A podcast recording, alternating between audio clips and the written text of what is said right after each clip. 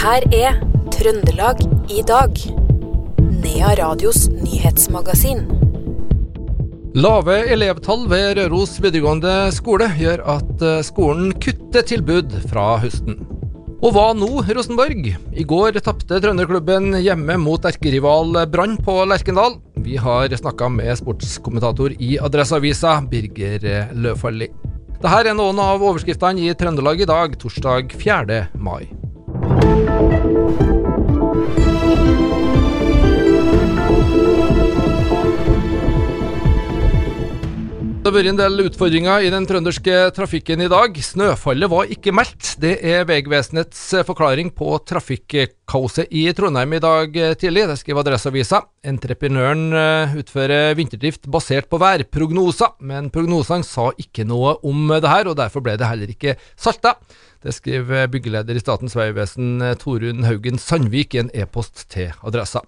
Sandvik eh, beklager å si at saken vil bli fulgt opp eh, internt. E6 var en periode stengt pga. det glatte føret, og flere trafikkuhell førte til enorme køer i morgenrushet.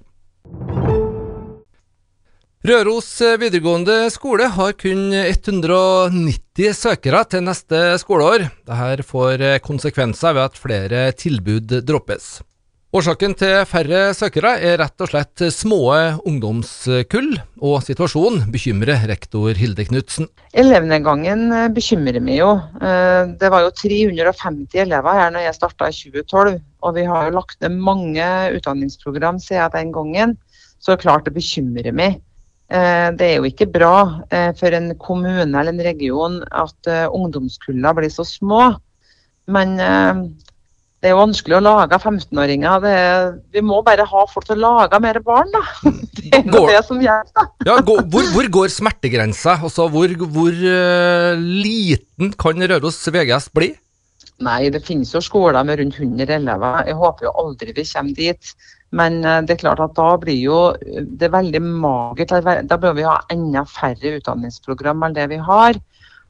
Og det blir veldig få elever i hver klasse. og det er jo bra for læringsutbyttet og den sosiale utviklinga for skolen at vi er så mange elever som mulig, da, tenker jeg. Sånn at uh, jeg tyder jo nå at vi, vi bør ikke bli noe færre. Og redningen vår er jo at så lenge vi tilhører Trøndelag fylkeskommune, så er avstanden til Støren og Melhus såpass stor at det skal vel mye til for å legge ned skole på Røros. Jeg er ikke redd for det, nei, i hele tatt. Det sa rektor ved Røros videregående skole, Hilde Knutsen. Aina Berg er ansatt som ny markedssjef i Trøndelag Reiseliv. Hun kommer fra stilling som markedskoordinator i MIST, museene i Trøndelag, og ser frem til å starte i nyjobben 1.8. Jeg er veldig glad, og jeg er spent. Og jeg er veldig ydmyk til den, for det er en stor jobb. Så, men eh, nei, det er mest glede her nå, ja. Hva er liksom eh, mandatet? Hva, hva, blir den viktigste jobben for den nye markedssjefen? Altså, vi skal, altså, jeg skal være med å markedsføre Trøndelag som reisemål både nasjonalt og internasjonalt. Og jeg skal jobbe mot destinasjonsselskapene og opplevelsesnæringa. Uh, ja. Og, og, det er jo stort. Ja. ja. Du har jo mange, mange, områder, og langt ifra bare Trondheim. Vi også tenker Fra Røros og, og nordover så er det mange destinasjoner. Klarer du å si, samarbeide og synkronisere alt det her? Ja, det må vi få til. Eh, altså, det viktigste er jo å få visst mangfoldet. Og få visst hele regionen. Eh, altså, det er mat, det er kultur, det er natur eh, som skal vises. Og da trenger vi de store eh, dragerne, som jeg kaller altså store opplevelser, men også de her små krydderne eh, som skal vises frem. Eh, så ja, det er absolutt tenker jeg at hele regionen skal med. Det sa på troppen det nye markedssjef i eh, Trøndelag Reiseliv, Aina Berg. I Selbu kirke så er det en, en, eh, gudstjeneste i kveld som er av det litt spesielle slaget. Det er nemlig en ganske så spesiell gjeng som skal arrangere den, nemlig konfirmantene. De har eh, sjøl satt sammen eh, programmet. Alt fra musikk til nattvær står uh, denne gjengen for. Sogneprest Per Kvalvåg får en litt mer fri rolle enn vanlig, og han gleder seg til å se konfirmantene i aksjon. Ja, nå skal de stort sett bare konfirmeres, men det er én kjempeviktig ting først, og det skjer i kveld. Konfirmantene i Selbu og Tydal de eh, har gått sammen. Det er fire tydalinger som er med selbygene. Og de har i hele vår laga prosjektgudstjeneste. Det er da de skal vise fram hvor eh, moden og klok de har blitt, og hvor mye kristendom de har lært. Det som var overhøringa før i tida. Ja, hva er forskjellen på den altså, Hvordan var den gamle overhøringa i forhold til hva det er nå? Nei, det var jo en sånn eksamen i riktig gamle dager, hvor de uh, kunne bli spurt om hva som helst, og ramse opp bibelsteder og salmevers og ene med den andre. og um, mm, Den tida er det slutt på. Den tida er det slutt på. Eh, Men hva er det de skal gjøre nå i dag, da? De har altså da laga en, eh, en egen gudstjeneste. De har valgt temaet krig og fred i år. Uh, Overskrifta er 'Du må ikke sove', etter det dette diktet av han Arnulf Øverland. De skal altså De skal altså ta opp temaet om krig og fred, og da blir det, da blir det mye fra Ukraina. Og så blir det om Jesus som fredskongen. Og så skal vi rappe trosbekjennelsen. Og eh, ja. Er det helt innafor, da, skulle jeg si? Ja, det vet jeg ikke. Vi får spørre prosten, for prosten kommer på besøk. Så jeg har prøvd å skremme konfirmantene med det, og at hvis at prosten ikke blir fornøyd, så blir de matvendt. Det ligger altså an til en litt annerledes eh, gudstjeneste i Selbu kirke i kveld. Vi hørte sogneprest eh, Per Kvalvåg og en eh, flirende reporter Stian Elverum her. Oppdal kulturhus mista 15 000 gjester i fjor sammenligna med et normalår, og gikk på en budsjettsmell på 400 000 kroner. Inntektssvikten var i 2022 markant i alle de kommersielle delene av drifta, slik som kino, basseng og storsalarrangement.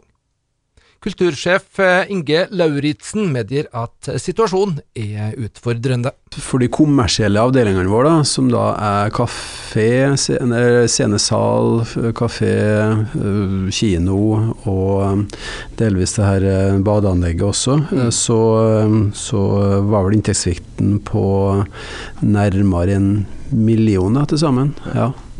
Det er klart at det, det merkes.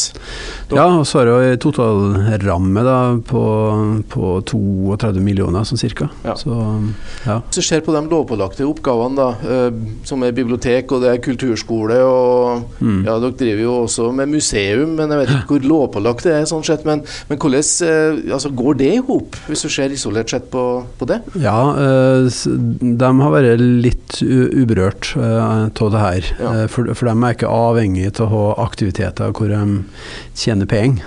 Nei. Nei. Så, så da blir de eh, uberørt av. Så, så de avdelingene har, har gått eh, bra, og så opprettholder en innmari god eh, aktivitet i kulturskolen og i ungdomsskolen, eh, ungdomsklubben bl.a., og også på biblioteket. Det sa kulturhussjef Inge Lauritzen i Oppdal. Han ble intervjua av Per Ole Aalberg fra Radio E6. Verdens trekkspilldag markeres over hele verden, men lokalt er det Selbu og Tydal som er best kjent for å lage arrangement denne dagen. Det sier Bo Ivan Folde, som er en av initiativtakerne for årets utgave. Det er en årlig tradisjon, og vi veksler mellom eh, Tydalen og Selbu annethvert år. Og det passer oss ganske bra. Eh, eh, Trekkspillmenigheten i dalføret vårt har blitt litt mindre de siste åra. Eh, Derfor så trekker vi litt på hverandre, da. Det gjelder å arrangere ting som handler om trekkspill, gammeldansk og, og den sjangeren der. Hvorfor arrangerer dere denne dagen? Ja, jeg trenger å svare på det da, i Nea radio, liksom. Trekkspill, eh, Selbu og Tydalen og Neadalen. Det er jo nasjonalinstrumentet for dalføret vårt, så det er verdt å markere hvert eneste år. Eh, hvis vi ser historisk eh, litt tilbake her nå, så vet vi at trekkspillet ble populært allerede tidlig på 1900-tallet. Når det ble lagd, altså. Men eh, til, altså, han som lagde trekkspillet, da, det var Patentet ble gjort i 1929 Nei, unnskyld, 1829. Så selve teknikken og, og patentet, det er, jo, det er jo gammelt. Og enda gamlere så snakker de om, eh, om et instrument i Kina som kalte for eh, munnorgel. Litt eh, trekkspillhistorie der ifra initiativtakerne for den lokale delen eh, av arrangementet Verdens trekkspilldag, Bo Ivan Folde. Det her altså foregår nå på lørdagen i Selbu. Og det var Stian Elverum som var vår reporter. Vi skal tilbake til i går kveld. Da tapte Rosenborg 0-2 hjemme på Lerkendal mot erkerival Brann. Nå trenger Rosenborg-trener Kjetil Rekdal hjelp fra ledelsen i klubben, ellers så kan folk miste trua på prosjektet. Det er essensen i en kronikk signert Adresseavisas sportskommentator Birger Løvfalli. Nå må ledelsen ut og backe Rekdal, sier han. Nå handler det jo om å ha trua eller ikke ha trua på det her. Um, for folk begynner jo å tvile, og det, det, er vanskelig å se noe utvikling. Uh, så da tenker jeg at uh, hvis uh, Rosenborg-ledelsen virkelig tror at de har funnet veien til langsiktig suksess, at dette er en, bare et steg på veien, at de ser et klart mål framme der, dit Rosenborg skal, så må de ut og forklare hvorfor hvorfor det her er veien å gå. Eh, styrelederen, eh, toppene på brakka, eh, de må ut og, ut og si hvor de står hen. For hvis ikke så vil den tvilen bare vokse. Og, og, da er det bare et spørsmål om tid før, før det her prosjektet er over, faktisk. Ja, for alle som så kampen i går det er jo ikke noe tydelig angrepsspill. Det er vanskelig å se hvor Rosenborg vil hen.